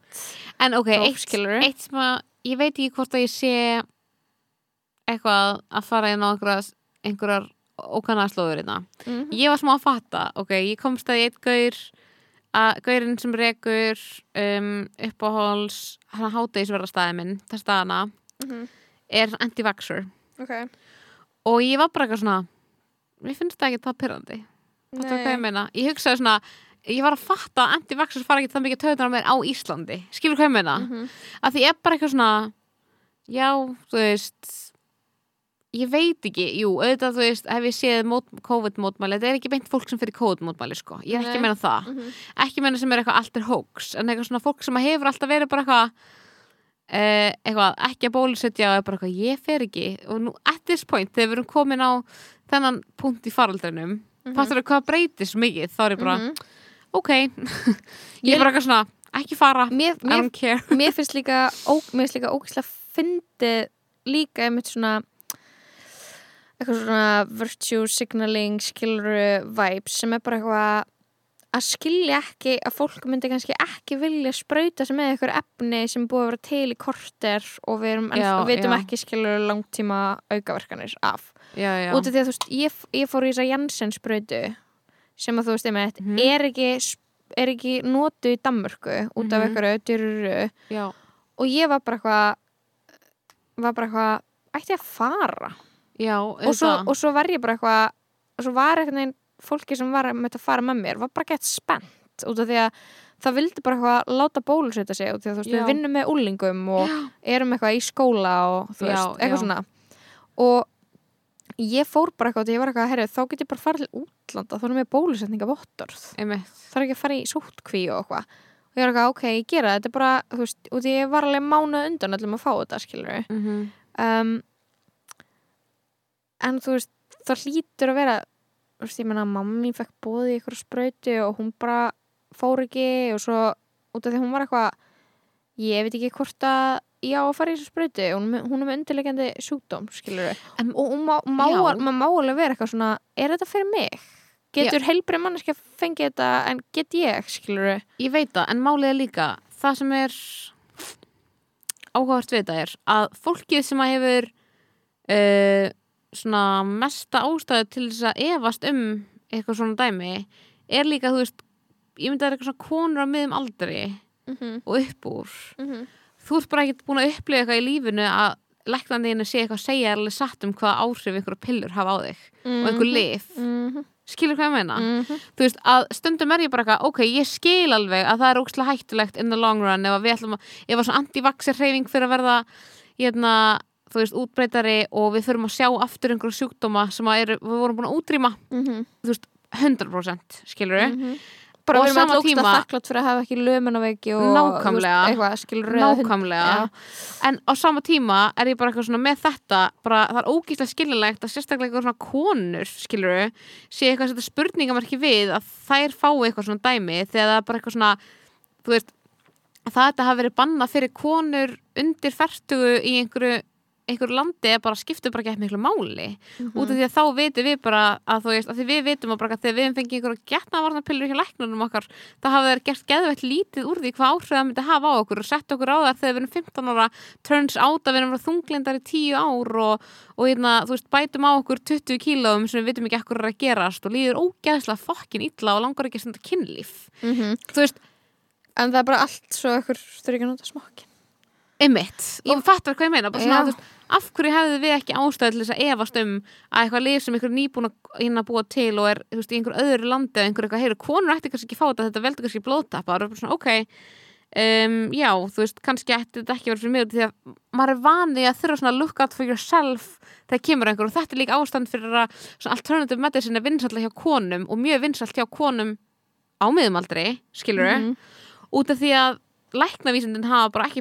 Bara beint oft verið bara þeirra bestu vinur, skilur við já, bara eitthvað, nú ætlum ég að lækna þig og Mhm. það mun valda alls konar öðrum skada en -hmm. ég er bara hérna checking off the box að þú sett ekki lengur allavega með þennan sjúkdóm Já, bara, nákvæmlega þú veist, aukaverkunar af geðlifum og bara alls Nákvæmlega. konar livjum þú veist um, og þú veist, mér finnst ekkert, mér finnst svo erfitt þegar þú veist, þetta er orðið eitthvað svona að vera æ, skilur við, ég myndi alltaf fara í sprautina, skilur en þú ég skil getur- þú líka mátt alveg alveg respekta þá sem vilja ekki gera það. Já, það þarf ekki, eða þú veist, já, já, og ég er um þetta að hugsa, skilur, ég fór í, ég fór í Jansens brautina og ég var ekki hrættu blóðtapa út af því að uh, það er ættgengur blóðtap í fjölskyldinu minni Mhm, og ég fór líka. í blóðpröfu þú veist, bara, bara fyrir tíu árum og þá bara leita að þessum hvort ég væri með þetta já, gen. þetta gen, já. Og ég bara er ekki með það. Þannig ég var bara Ok. eitthvað ok, skilur, ég þarf kannski ekki að hafa það miklar áhyggjur Mhm. um, en ég man líka bara veist, þegar ég fór og fekk pilluna fyrst skilur bara átti kærasta og þá var man eitthvað, fór maður á pilluna og ég man sko, ég og vinkonu mín við eðum saman klefur og hún átti líka kærasta og við, hún var eitthvað svona að tala við mig bara já, ég hef eitthvað aðeins verið að við erum bara eitthvað 18 ára skilur eða 17 ára, bara gett ungar skilur og hún er eitthvað, já ég er bara aðeins fyrir að skoða hún var eitthvað aðeins byrja að lifta mm. og svona ókslega mikil íþróttkona já, uh, að þú veist þetta hefur eitthvað svona ekkert endilega góð áhrif á bara árangum hans í íþróttum þú veist, pillan Mm. og út af því að þú veist, það er verið að pumpa ykkur um hormónum og það eru, þú veist, það eru íþróttkonur í dag sem nota tíðarhingin til þess að ákvara æfingaprógrami sitt Mhm. út af því að þú veist að þú til dæmis þú veist bara svona missterk eftir í hverjast í stýringnum Mm.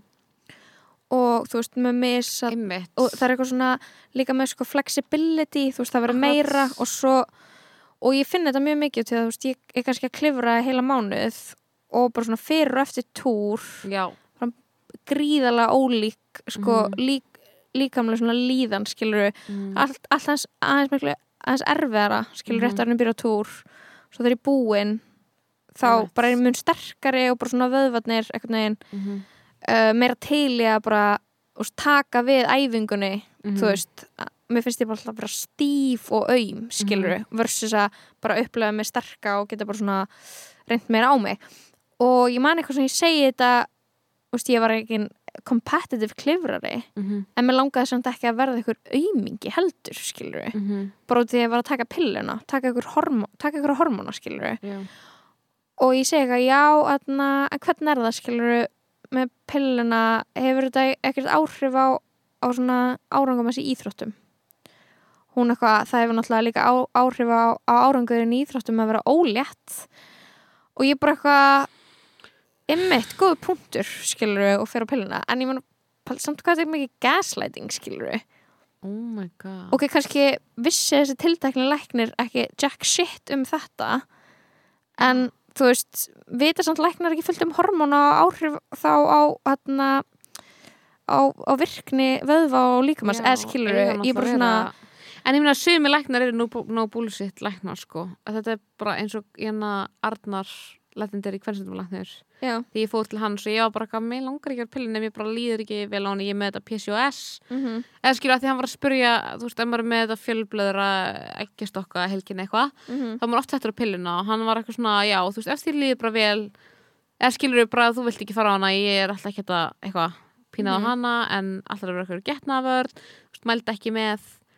ég hérna, hann mældi ekki með að ég færi á koparlikkjuna, Vá, ég hata hana, ég var með hana í þrjú ár ég Eitthvað- hata já. hana. ég basically vildi, þú veist, var eitthvað svona, ég er ekki, bara fíla ekki hvernig hormónar hafa áhrif á mig, þannig þá eru bara svona nokkur options eftir, það er koparlikkjan mm og það er uh, basically ekkert annað, hettan, smokkurinn? Smokkurinn, ég er meina svona sem að þú átt að svona já, svona, kvennsjúkdómlæknirinn er eitthvað að fara að redda mér já, skilur já, einmitt. og, og hann var bara eitthvað ok en hérna, svo bara teknaði hann eftir mig bara, fara túr. Þessi tíu dagar eru safe næstu tíu dagar eru ekki safe Mhm.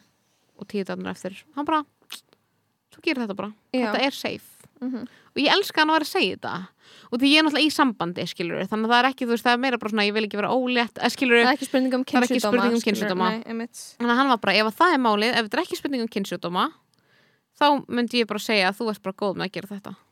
Og þú veist, það er ekkert, hann skilur, ég fattar þau, svona, að ég veit ekki, bara vera með svona kvennsjúdómalækni sem nennir að pæla í ok, hvað langar þig og hverju get ég þá mælt með, skilur sem passa þínum þörfum? Mhm. því ég alveg oft verið með kvennstumlækna sem að eru bara eitthvað, að þú veist, taktu bara svo pillu. Eða skilur, eru bara eitthvað, að, þú veist, einmitt, nenni ekki einhverjum a- hjá manni og eitthvað svona skilur og, og þór ekki að þú veist, láta hanga sig á að vera að mæla með til einhverju svona er bara legit, það er bara legit að þú veist með reglulegan tíðarhing Mhm. Já, Að- ég var ekki með það mjög lengi. að stunda kynlíf bara þá Mhm. dagar sem eru safe. Þú ert það er semi-rugg, sorry, mér finnst í alvegurinu bara Getur ekki að vera ólétt hvernig sem er. Það Nei. er skilur og líka bara það að vera eitthvað á pillu allan mánuðin út af því að þú ert eitthvað að sofa hjá kannski Þrísar í mánuði. þreysar í mánuði, sorry mér finnst það í alvörni Það er ofbeldi. mér finnst það ofbeldi sko. Já, þú veist, ég, ég finnst náttúrulega við erum ekki ekki svella or orðið ofbeldi á Ég var- netinu. ég var- vil segja sé ofbeldi. Ég var ekki, þú veist tók þessa pillu, þessa fucking pillu í, þú veist svona ár. Mhm. svo verður bara eitthvað ég er depressed. Mhm. mér langar að deyja. Og hætta á henni. Já, og það bara, og never looked back. En svo reyndi ég eitthvað sem að vera á svo likju og það var fucking vond ég fann ógeðslega mikið fyrir henni. Bara, og það var svo fucking vond að setja henni inn salka. Mhm. hún náttúrulega, þú veist, þú veist stungin með svona litlum hníf inn Mhm. í leið skilur svona pyrsað, svona gudung og ég var svo fucking vond sko. Og ég ætla ekki að mæla með þig. Ég ætla heldur ekki að mæla með pillunni. Og bara mist ógstlega Ég leðilegt ætla bara að mæla með skilífi já, mist bara ógstlega leðilegt að þarna eitthvað svona að maður hafi sem ég þurfti að upplifa þetta, skilur bara svona sem Já, úlingur og, er- og maður var alltaf bara til í að taka öllu. Maður bara, já, ok. Ég er að segja Ok, það, en þess þú er ég að segja skilur að leina, reynsla svona kannski svona margra kvenna af læknavísundunum hefur ekkert endilega gefið eitthvað mesta traustið. Nei, traustast það sambandið. Nei, þá finnst mér ekkert eitthvað skrítið að vera eitthvað vil ég þetta efni sem er nýbúið að finna upp og allir eru eitthvað, þú átt að taka þetta eða Mm, skilur og mm. maður er eitthvað auðvitað eru forréttind að hafa bólefni við vitum það alveg, þú veist, við erum svolítið að fara beyond, að ég skilur ég nenni ekki að vera eitthvað í einhverjum umræðum eitthvað svona, COVID sem ég ekki lengur til fyrir mér sko það er náttúrulega algjör veistu hvað ég við? það er Mm, bara, já. það er líka ógslag, það er við- magnað hvað maður er fljótur að fara í sama fari líka, eða skilur já bara svona, við erum að fara að fara næsta smegt sjúkdóm, bara like that, sko út af því að það er ekki eitthvað lengur að spritta sig út um allt, eða skilur hvað ég meina? Svona allir hluti sem var eitthvað, will this stay? Mér er svo fyndið út í að það var fuglurfluensa og svínufluensa skilur já, kom komin hingað, það var einhver, ég, einhver ég, að- fekk, þekki já, en það var ekki svona. já, nei, já, en fyndið þarna að maður þú veist, maður að það var eitthvað til sem var heimsfaraldur. Já, einmitt. En já, ég vissi eitthvað en ekki að þetta geti orðið svona ekki eins og þetta var að er þið bara allir lokað og svona, skilur ég held að við getum aldrei ímyndað okkur það versta sem getur gerst. Þú veist, að ég fattu hvað ég meina. Bara við erum alltaf, við erum svo mikið svona eðl okkar að vera bara, það fyrir vel. Skilur hvað ég meina, sérstaklega svona forréttinda manneskjur á Íslandi, mm -hmm. maður bara kemur ekki hinga, ég var bara þegar COVID að byrja annars þar, þú veist líka Evrópu. Ég bara, kemur ekki hinga skilur hvað ég meina, mm -hmm. ég bara it's an island. Bara geða til ég að vera bara nei, þú veist, ég held að vera bara good sko. en, heyrðu, ég við þurfum að tala um köllu Katla. Let's go. Next on the docket. Um, já, hvað, hvenær komum við 17. júni, hvað, 21. eða annar dag Já, 20 annar, það er nokkur dag sem Katla kom út. Við ætlum klálega alveg að spoila í... Já, ef þú ert ekki búin að horfa á neitt þátt og helst ekki ef þú ert bara búin að horfa á halvseri við viljum bara fara í allt sem er búið að gerast. Já, ég á sko eitt þátt eftir Þannig ég er að vona að Lóa ég eftir að spoila, spoila fyrir mér. Ég loka síðasta þættinum. þættinum. En hérna sem hún gerði við fólk bara á djammin um helgina bara ég að það byrst er svo afsökunar ógeðslega að finna að gera að það. ég byrst afsökunar ef þið hitti Lóu um helgina á bara að hún dögum fyrir eftir kallu Eftir að serían kom út þá bara segi ég fólki Það endin er ömurlegt. Ég fór upp í bústað og ég horfði á alla seríuna. Ég ætlaði bara að horfa. það við mig í þessu podcasti ég lappa út, Ég ætla ekki að spoila. En, ég geng út. en núna er spoiler alert á út af því að fyrst basically er kallað þannig skilur að maður veit fyrst ekkert hvað er í gangi Nei, fyrstu fjóru þættina þá er ekki búið að koma í ljós af hverju allir þessi skrýtni hlutir eru að gerast ég held að þetta væri svona hamfara mynd ok, ok, Balsa Kormokur hann er leikstra ásamt uh, Sigurinn Kjartanssoni. Óla Egils og Lilju Sigurðar hún skrifa líka í eh, kredit allavega í nokkur þáttum, eitthvað fimm ah, þáttum já, Davíð Már Stefánsson var líka Já. eitthvað að skrifa sem svona ungur handrita höfundur Mhm. og það er hérna flott leið af íslenskum leikurum og hann með sína bara frumrein skilur á Mm. on the screen skilur Mhm. og þarna ok, sko hvað er ég að byrja? Ég horfði á þetta allt í einni einni runu, já ég horfði á þetta í tveim settings TV da- vikur hjá mér núna um, ég fatta ekki sci-fi þarna fantasy elementið Já, ég veit ekki okkur en ég held þetta væri hamfara svona hamfara já, uh, já, já. þættir eða skilur eitthvað. líka sko. Og þannig að það komir óslega mikið óvart svona skrýtnið hlutinir ég var ekki alveg undirbúin undir það.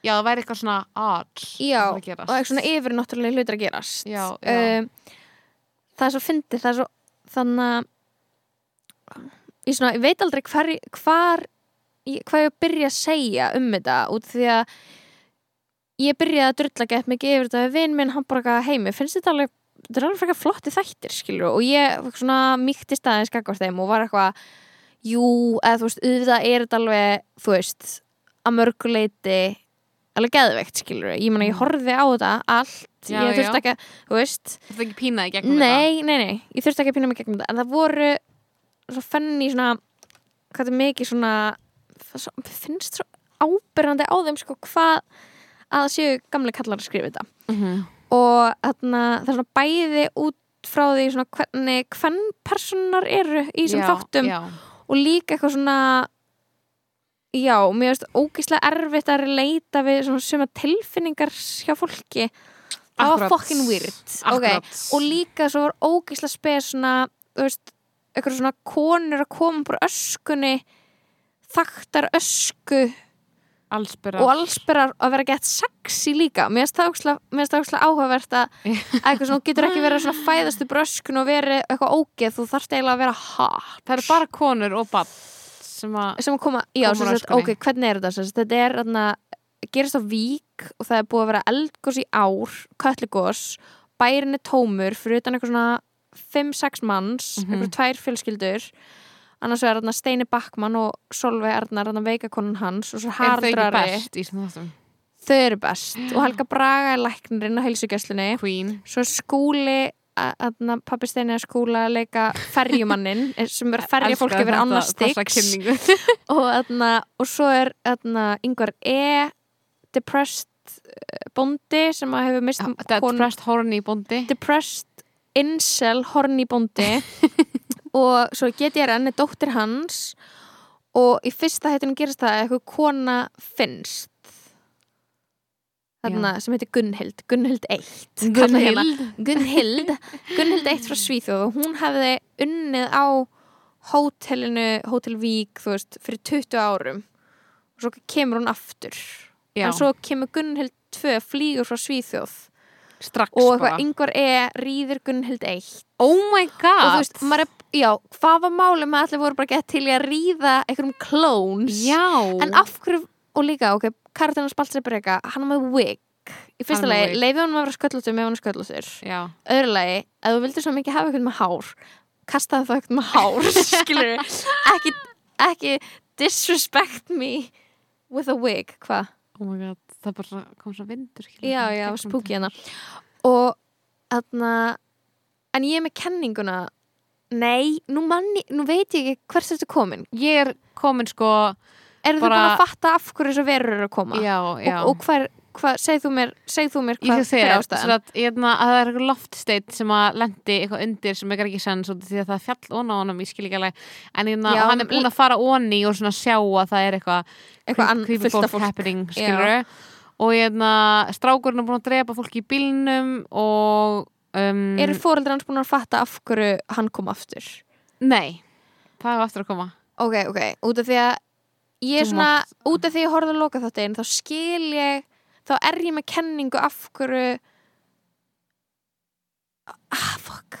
Má ég spyrja þig já, hvort þú veit já, já, er, bú- er eitthvað búin að tala um þetta sé huldufólk? Já, já, já, ok, ok, huldufólk en að mannst ekki í svona þjóðsögum að huldufólk huld, svona huldukonur voru alltaf mm. dálega kalla til að gera allt fyrir já, sig? já, já, og, og þær, þeir kallar allt svona ástfangnir af huldukonum Einmitt. og þær eru með eitthvað svona yfirnáttúrulegt aðdráttarafl svona Mhm, eins og hafmir, saðar hafa og durru.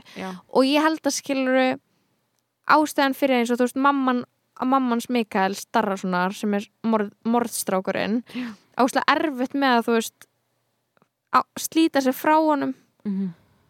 og af hverju gaurarnir þú veist ríða þeim er þú veist, huldufólk hlýtur að þú veist einhvern veginn hafa eitthvað e, sem svona sjarma. töfraði já, já, skiluru og það er það sense. og líka bara svona akkur hann hérna rýðir, þú veist, get ég renn klón gælni, geti ég renn sagði ekki einu svona Wigman að það væri önnur geti ég renn hún skil- skildi þið miða já og hann trúði ekkert og svo sagði hún ekki neitt meira við hann og það var alltaf það það sem, per, það sem perraði mig í þessum þáttum var að fólk var aldrei að segja það sem hann var að hugsa. Já, þú veist Anna, eins Eins og- eins og Steini Bak- Gunnhild. Já, Gunnhild og Steini Backmann þú veist, í fyrsta lagi þessi karakter, hann átti að vera held ég eitthvað ógeð, en hann var alltaf svo horni í veiku konuna sína, alltaf eitthvað svona káfa á hennu, þetta er svo ógeðslega unrelatable og því að hann var síðan gett fegin þegar hel, helbriða konan hans kom aftur. Já, já, já. svo hann stungu þær eitthvað tværa af saman það var alveg Ok, grillað. ég er til í það, ég það á eftir að gerast en ég er til í Ó. það, nei ég sá það vera coming. Af því ég sá þú veist að hún var að flýja ég hugsaði, þær eru tím, ok, að þær voru að vera tím skilur og hún skrifaði eitthvað í bókinu hjá er já, þær er eru eitthvað að tala saman. Já. og aðna ég er pepp fyrir því mér varst og, enginn vera nógu sjokkt að sjá tvífaran sinn nei, og tvífararnir voru alltaf eitthvað svona ha, erum við eins? bara, hættu, do you mean? já, það var svo perrandi já, það var svo perrandi og eitthvað svona En sko eitt, sko, ef þú ert að sækja ógslag mikið í svona þjóðsana, þú finnst þetta samt svona pínu svona vera að búa til svona ameríska útgáfa af þessum huldufólkssegjum að því þegar að í svona, fólk, í svona huldufólkssögum það var ekki loftsteinn. Fyrstulega ekki loftsteinn, en líka þá er það sko eiginlega aftast hérna, stelpur sem eru gindar stelpur sem eru skildar eftir einar á Jónsmessunótt eða eitthvað. Á meðan er farið í partí. Eða eitthvað svona þjónhildstúlkur sem er eitthvað svona en það var alltaf þær voru aldrei, þær voru alltaf svona heitlaðar af já, huldufólkinu sem kom og var eitthvað ú, þetta gekk gaman, verður okkur. partí. Og þú ferðin í vonda heiminn. Og því að þau eru gett góð en svo verða þau vond. Já, og þau takaði með sér. Eða þú veist, það kemur þetta aldrei fram, kannski er það bara næs en þú veist, þau svona taka þig, já þú veist, þannig, en ég veit ekki. En ég minnst þetta svona pínu, mjög svo margt sem að ég mitt var eitthvað svona já, það verða að sækja í svona íslenska sagnahefð en það er verið að tvista að hana að sé svona more interesting, more mainstream. Svona eins og gamla kona með tarot. Já, það voru slastanlegt ég var eitthvað, hún er ekki með tarot og síðan en er ekki eitthvað- gömul konu á Íslandi með tarotspil. Nei, það eru þú- bara tvítuðar gælur sem voru í jókakennanámi sem nota tarotspil. Já, bókstæla enginn annar. Bókstæla og líka þú ert gömul kona þú, það er alveg til eitthvað eins og ég var að segja þú veist, akkur er hún ekki með englaspil gamla konur eiga alveg svo englaspil og það er eiga alveg svo eksentri gamla konur gæti alveg átt það lesa alveg tarot kaff- það og lesa alveg í eitthvað. kaffibólla já, líka. já, en mér finnst þetta að vera að blanda of mörgum hluti saman, annarkort er hún New Age svona tarot og hún fór í útlandaferðir og var eitthvað fann tarotspil og eitthvað fæn, skilur en þá er hún er þá líka að spá í bolla og eitthvað innibli í dýrum og veit allt um huldufólk ég var ekki að hætti að, hætti að hérna, henda öllu sem er svona weird við, í hana, skilur hvað ég menna mm -hmm. svona ógstlega mikið einhverjum svona dóti sem ég var eitthvað ekki alveg að kaupa og líka bara gett kristni karakterinn sem ég skil samt alveg, þú veist, þú verður að hafa ógíslega óíslenskur. Já, Íslensk, að óíslensk típa að lesa úr biblíunni. Já, já, fyrir veiku konu sína. það dæmi. En, drottin er að koma og hann Já. er að frista mín. Og maður er eitthvað, þetta er ekki biblíubelti í bandaríkjunum. Nei, já, það var svolítið þannig, skilur En á saman tíma var ég bara, ok, þetta er að ok, já, þannig að þetta má Þannig að þetta er svona alltaf læg en pældi allir þunglindinu djöðli öllum fucking illa. Já. það voru allir bara on the verge of killing themselves Við sko, mér varst mesta, mesta vibes karakterinu sem við varum mest til að chilla með? Það var þarna sem að Aldi sama og og jarfræðingar jar- jarðfræðingarnir, ég var bara þeir að væpa ég er alveg til að vera með ykkur. Þau áttu gett fína vináttu, þau voru bara ah, hvað ætlar eld í dag? steikt egg. Mannst þetta er atriðinu þegar það kemur matur og aldrei saman svona þefar á matnum og maturinn eru sveppir og græna bönir ég er eitthvað, ah, the smell of mushrooms. And green, Green beans, beans, in the mountain. famously mest lyktandi, vellyktandi matur sem til er. living. uh, uh, en fattur hvað ég meina, það var aldrei ok, kannski aftur að gerast í eitthvað, það gerist aldrei neitt með þau. það var alltaf bara næs á ykkur. Bara, I'm joining you. Helga Braga var geggjuð. Hún leg sinn karakter ógeðslega vel en var svona eitthvað við hvernig þú veist eitthvað sumi voru þarna? Svona, ok, það var aðalega yngvar e og, og getið hann karakterinir og Steini, Steini Backmann eitthvað svona komin með tvífara konu sinna heim og svona gaslæði alla aðra sem að voru að segast hafa lent í ykkur undarlegu. Já. mér varst það bara svo ótrúverðugt. Þau voru ekki það væri- banding together til að leysa þetta. Þau voru öll í sínu hotni með eitthvað, eitthvað tvífara að reyna eitthvað að díla við það. Já, mér varst þess að hann hefði bara svona gengist skilur djöflinum á hönd þarna. Út af því að hann hugsaði, ok, ég veit að það er eitthvað skrítið í gangi en ef allir komast það í hvað það er þá missi ég, horn, ég er horni í í eina Horn- konuna mína sem er ekki veiklengur þannig að fattur þau, þannig að mér varst þess að það meika alveg sens fyrir mér sko. Já, já, já en það voru allir eitthvað horni í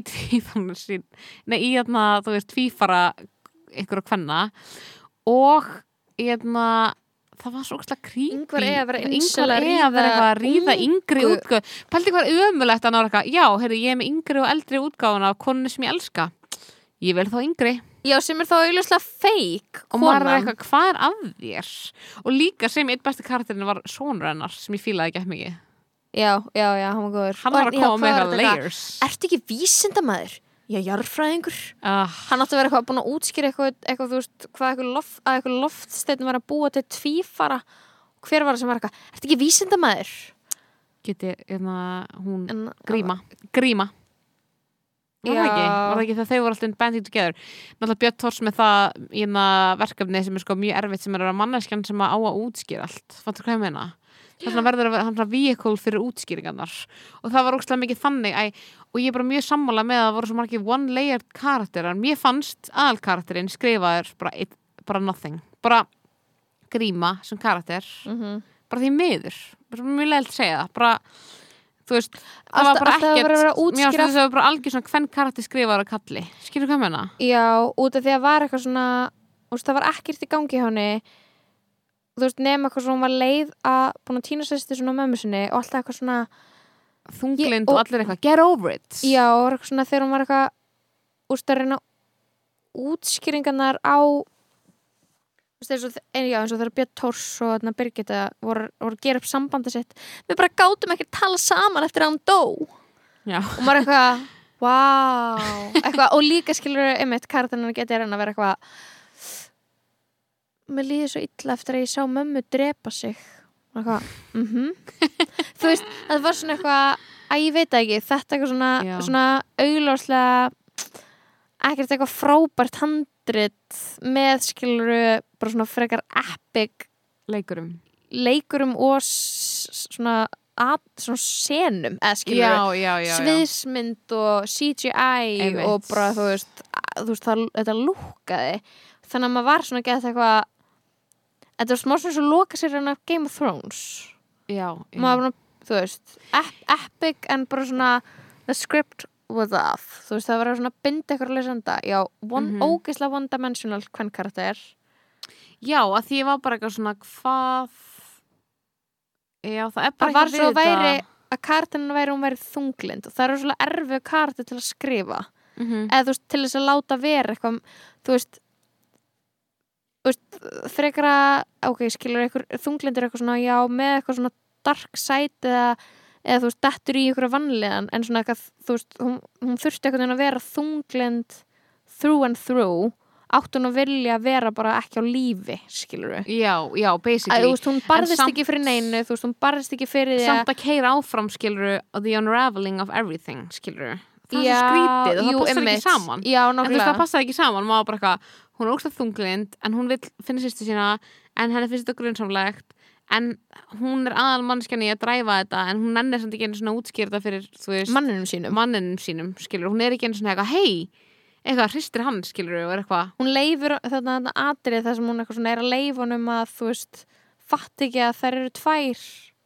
Þær eru svona tvær inn í húsinu. Einmitt. Já bara æ, þetta er svo stúpid og líka klámblöðin upp á lofti. Klámbleiðin upp á lofti. Að horfi, horfir á konuna sinna sem slöngu inn í hálsin bara eitthvað og hann eitthvað fyrir bara háaloft sækir eitthvað klámblöðu fyrir runga sér sem er eitthvað jæks en það var svo mikið svona dót sem að mér fannst vera skiluru eins og sena úr einhverju bandarísku þáttar sem ég hef séð Mér finnst þetta verður bara súformúla og síðan sett inn í Íslands samingi og málið er að það er alveg vel gert mér finnst ekki allt þurfa að vera eitthvað mest að snild í heimi skilur en það er bara svo Nei. fyndið að vera eitthvað að horfa á eitthvað sem allir eru að horfa á og vera bara mér finnst það fínt, eða skilur þetta er eitthvað sem allir eru að horfa á og vilja tala um og eitthvað. Og ég er líka þar að ég var en á var sama tíma svona hafði ég ekkert það mikið að segja skilur nema bara eitthvað, já, lol, þetta pínu svona illa skrifað maður var samt alltaf bara eitthvað evil bad sem er að fara að drepa eitthvað Já, ég var hrætt við Evil Badnið Evil Maður hann, var hann, var, having- var ógislega spooky auka, hlutverk Eddan Let's Go sko. Ógeðslega leikur. litli, Mikael Darrason. Darrason. Mikael Dara svona stjarn þáttuna já um, Já, en það, það, þú veist, það sem heyrðu, Leifur Hauksson uppáls hérna dagskrárgerða maður minn rása eitt sem ég tala reglulega um Já. þessi uppáls útarsmaður minn hann leik pappan sem pikkaði upp Mikael ah, og dó. konan, konan hans, já, dó ásand konu sinni Þannig að fannst þér í- mér, ég verð að segja að það var ókslega vel gert hvað þú veist maður var veist, ég var bara, ok, what the fuck is going on? Þess vegna horfði alltaf næsta næsta. Já, já, náðu alveg að halda mér intrigued Já. og spenntri.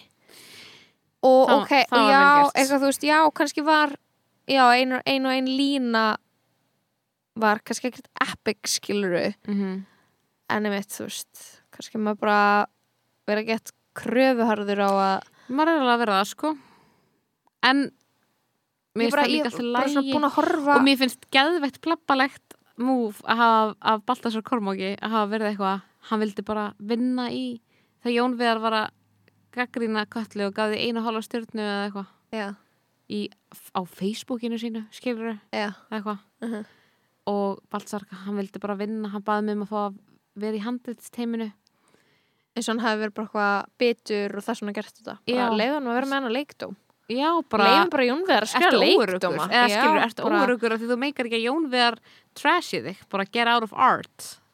Ekki- Nákvæmlega, þú þú ert ekki tilbúin að fá diss frá Jón Viðari þú veist, what are you doing? what are you doing, skilur leiðu honum, finnst honum það að vinna vinnuna sína. já, hann má heita á þetta. Auðvitað. Hann elskar fullt af dóti líka. Hann elskar Hilmi Snæ hefði alltaf Hilmi Snæ í sérina ekki verið svo Mhm. mikil mm. Hilmi Snær hefði geta verið Hilmi Snær hefði hann verið Björn Tórs góð, nei. Hann hefði getað verið góður Ingvar E. E. Ú, Mhm. it's true, hann hefði getað verið góður Horni í Gunnhild hefði, 1 mér hefði lið betur að horfa á Hilmi Snæ vera horni incel bóndi yngvar eigi var eitthvað svona this is not you. Í samanlega, en samt var ég bara eitthvað Ingvar E hverju talar hann svona góða ennsku með að við að vera 60 kallmaður, fattur hvað meina? já, hann var Þú- svo að tala gett vel ennsku og ég var eitthvað uh, engin það var svona eins og hann elskaði ekki afa. börnin sín. Nei, ég hann fekk svo mikið það sín, hann var bara, dóttir hans kom aftur og hann bauði henni ekki eins og í mat. Nei, það, satt, hans- það var undirliggjandi. Ég- það vantaði kannski eitthvað aðeins meira eða skilur ég var eitthvað, dóttir hans reis aftur frá döðum en priority hans var að ríða fyrirhandi kæristunni sinni sem reis upp frá döðum. Where are your values? Þetta er skrifað horni fráskildum meðaldra mönnum and it's, it shows Horny Kings. Horni þunglindum kings. Já. ok, en þú veist ok, mér finnst mér finnst bara mér finnst bara ekki vita. Þú veist sagan, uppbyggingin endurinn, þú veist, það er bara augljóslega geðvett margt vel gert. Ég er Já. bara búin að ég er bara óslega góð vön í svona samtölum og svona góðum skiljanlegum tilfinningum og svona skiljanlegum brestum Mhm. bara, ok, fyrsta seri af Exit um. Succession Mhm. og og fleiri góði þættir þar sem að þú skilur þú, þú, það er eitthvað manneskja sem bara svona er auðvitað eitthvað að að það er eitthvað svona þau finnst lógist að hún fari þessa leið Mhm. en þannig er það eitthvað svona hýta ekki ekki, ég, er- ekki að segja ég geta gert það betur. I could not, en þú veist En við meðum alveg gaggrenda og Baltasar Kormákur þarf ekki að segja að okkur hafi langað alltaf verið handristíminu og auðvitað langað okkur verið handristíminu ekki mig. En- Pældi, ég, ekki, þú ég myndi ekki langa að skrifa svona seri Ég, þú, Sigjón Kjartarsson og Balti og Óli Eils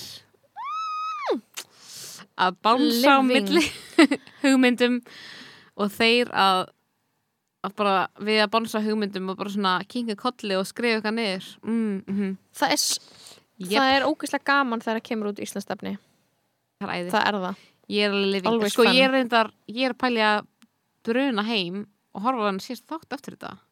Mm -hmm.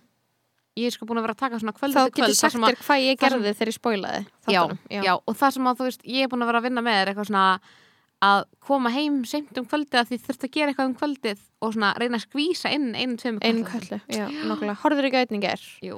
og þú gær. já, og þú varst, þú varst alveg á, mér langt svo að klára, en klukkan var hálf tvö. já, já, Já, já, ég var ég- eitthvað, ég get ekki klára ég var alveg, ég var alveg þar sko. Mm ég var að brenna út sko á tíma svolítið ég að hendi þetta já, uh, þrjár stjörnur stjók, ég veit ekki.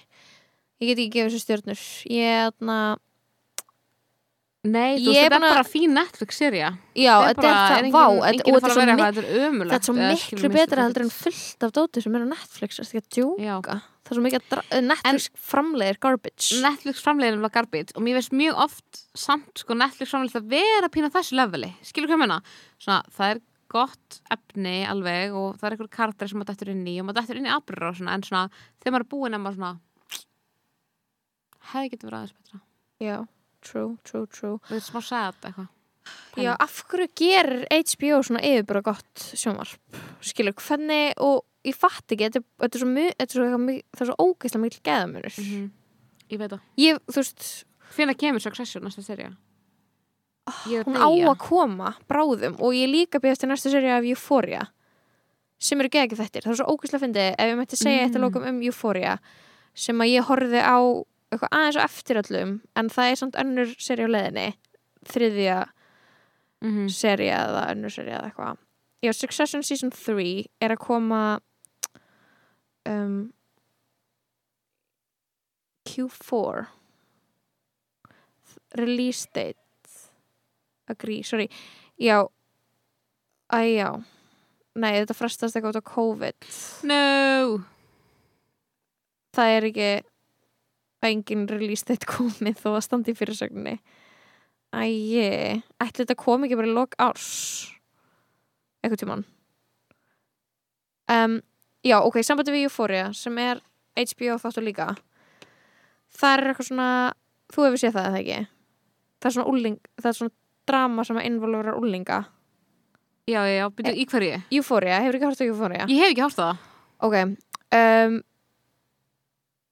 Æ, þú veist þarna, það er ógislega góð þáttur út af því að þó að sko hann sé augljóslega skrifaður um úlinga af ykkur sem er ekki úlingur og svona hlutinir sé smá svona eitthvað sé svona svona eitthvað eins og þú, þú veist, þetta er svona skrifað og svona, svona, svona byggt á æsku handritsöfundarinn Já, já, sem að, já, þú veist, á áttu fræga fóreldra og ólst upp bara svona geðt mikilvæg neyslu og, og svona var Ah. eitthvað þú veist, í ykkur svona alls konar pælingum Og hver er það, writerinn, eða skilur Æ, ég man ekki hvað hann heitir uh, mm. að eitthvað svona þó að úlingarnir sé að vera smá svona úlingalegir Já, þá er það bara eitthvað neginn það er bara svona samt það vel skrifað Já. að manni er alveg Já. sama út af því að þú veist Já. authenticity er ekkert endilega alltaf það sem maður er að leita að. Já, að eitthvað neginn svona þó að skilur karakterinn á vík í köllu sé eitthvað svona ok, kannski smá óíslenskir eða dúrarari dú en Mhm. maður kannski meira leita í eitthvað svona consistency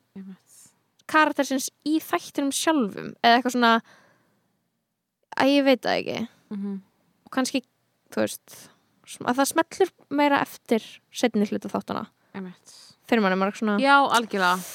Eitthvað, já, ok, þetta er bara hann er bara þessi gaur og það, æ, já, æ, fattur mig eitthvað svona, mað, maður er ekkert eitthvað að reyna að horfa á íslenska þátt og reyna að sjá bara eitthvað svona íslenskar arkitýpur endilega. Nei. og þær séu get accurate, heldur að maður meira reyna að sjá bara velskrifaðan karakter. Og það er bara fucking þú veist, þú, þú ert bara svona mistari þegar þú púlar það vel off, skilur við Mér samt bara, þú veist, ég var til í fleiri íslenska þætti og fleira svona sem að eitthvað, er að fara í einhverja svona meiri raunsæs átt skilur þetta er náttúrulega bara, þú veist, sci-fi þetta er bara fantasía. Fantasía, já, eitthvað svona- skilur eitthvað svona ham- hamfara- Mér fyrstir alveg í eitthvað svona Love and Anarchy skilur já, sem er náttúrulega sama gæla sem skrifa það á Euphoria. Er það ekki? Er allan einn já, ok. Já, þú veist, eitthvað, maður langar að sjá eitthvað þannig maður langar líka að sjá bara eitthvað svona íslenskan, íslenskan succession þátt. Mhm, mhm, nákvæmlega. Vá, fyndið, ég var bara að komast þessi núna þegar við vorum að skoða þetta að gælan sem hefur skrifað allt Euphoria verist vera gerði Já. Anarchy, sænska þáttin, hún er sænsk. þú verður að horfa í Euphoria. Ok, exciting ég elska þegar maður á okkur góða serju eftir. Já, það er óslega gaman. ég, ég hef bara hort á eina seri af Sopranos. Og ég er bara óslega spennt að bara eiga það allt eftir. ég hef bara í á bara geðveitt good quality TV, skilur Mhm. Herru, takk fyrir þáttinn sæta. Takk fyrir þáttinn, baby. Sjáumst. Over and out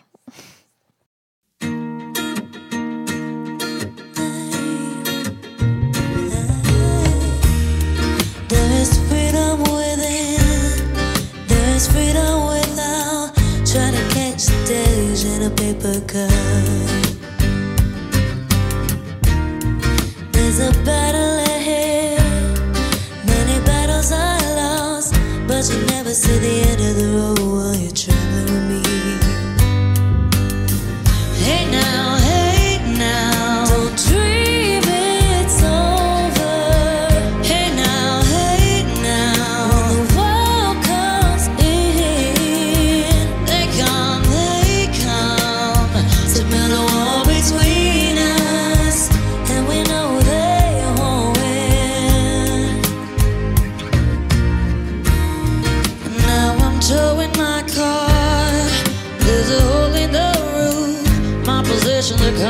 Cause suspicion, but there's no proof.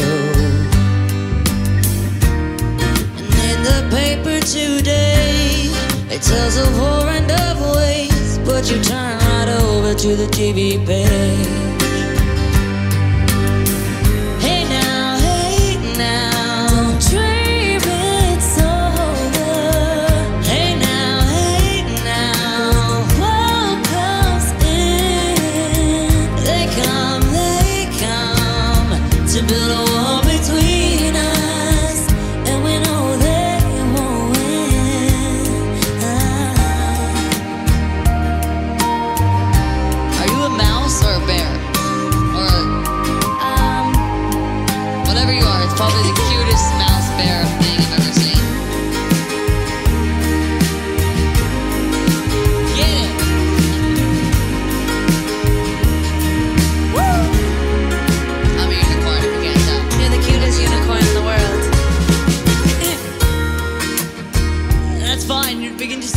Just to build a riff on it. Sorry, I was fucking you up. I was riffing. Sorry, I was flirting. Sorry.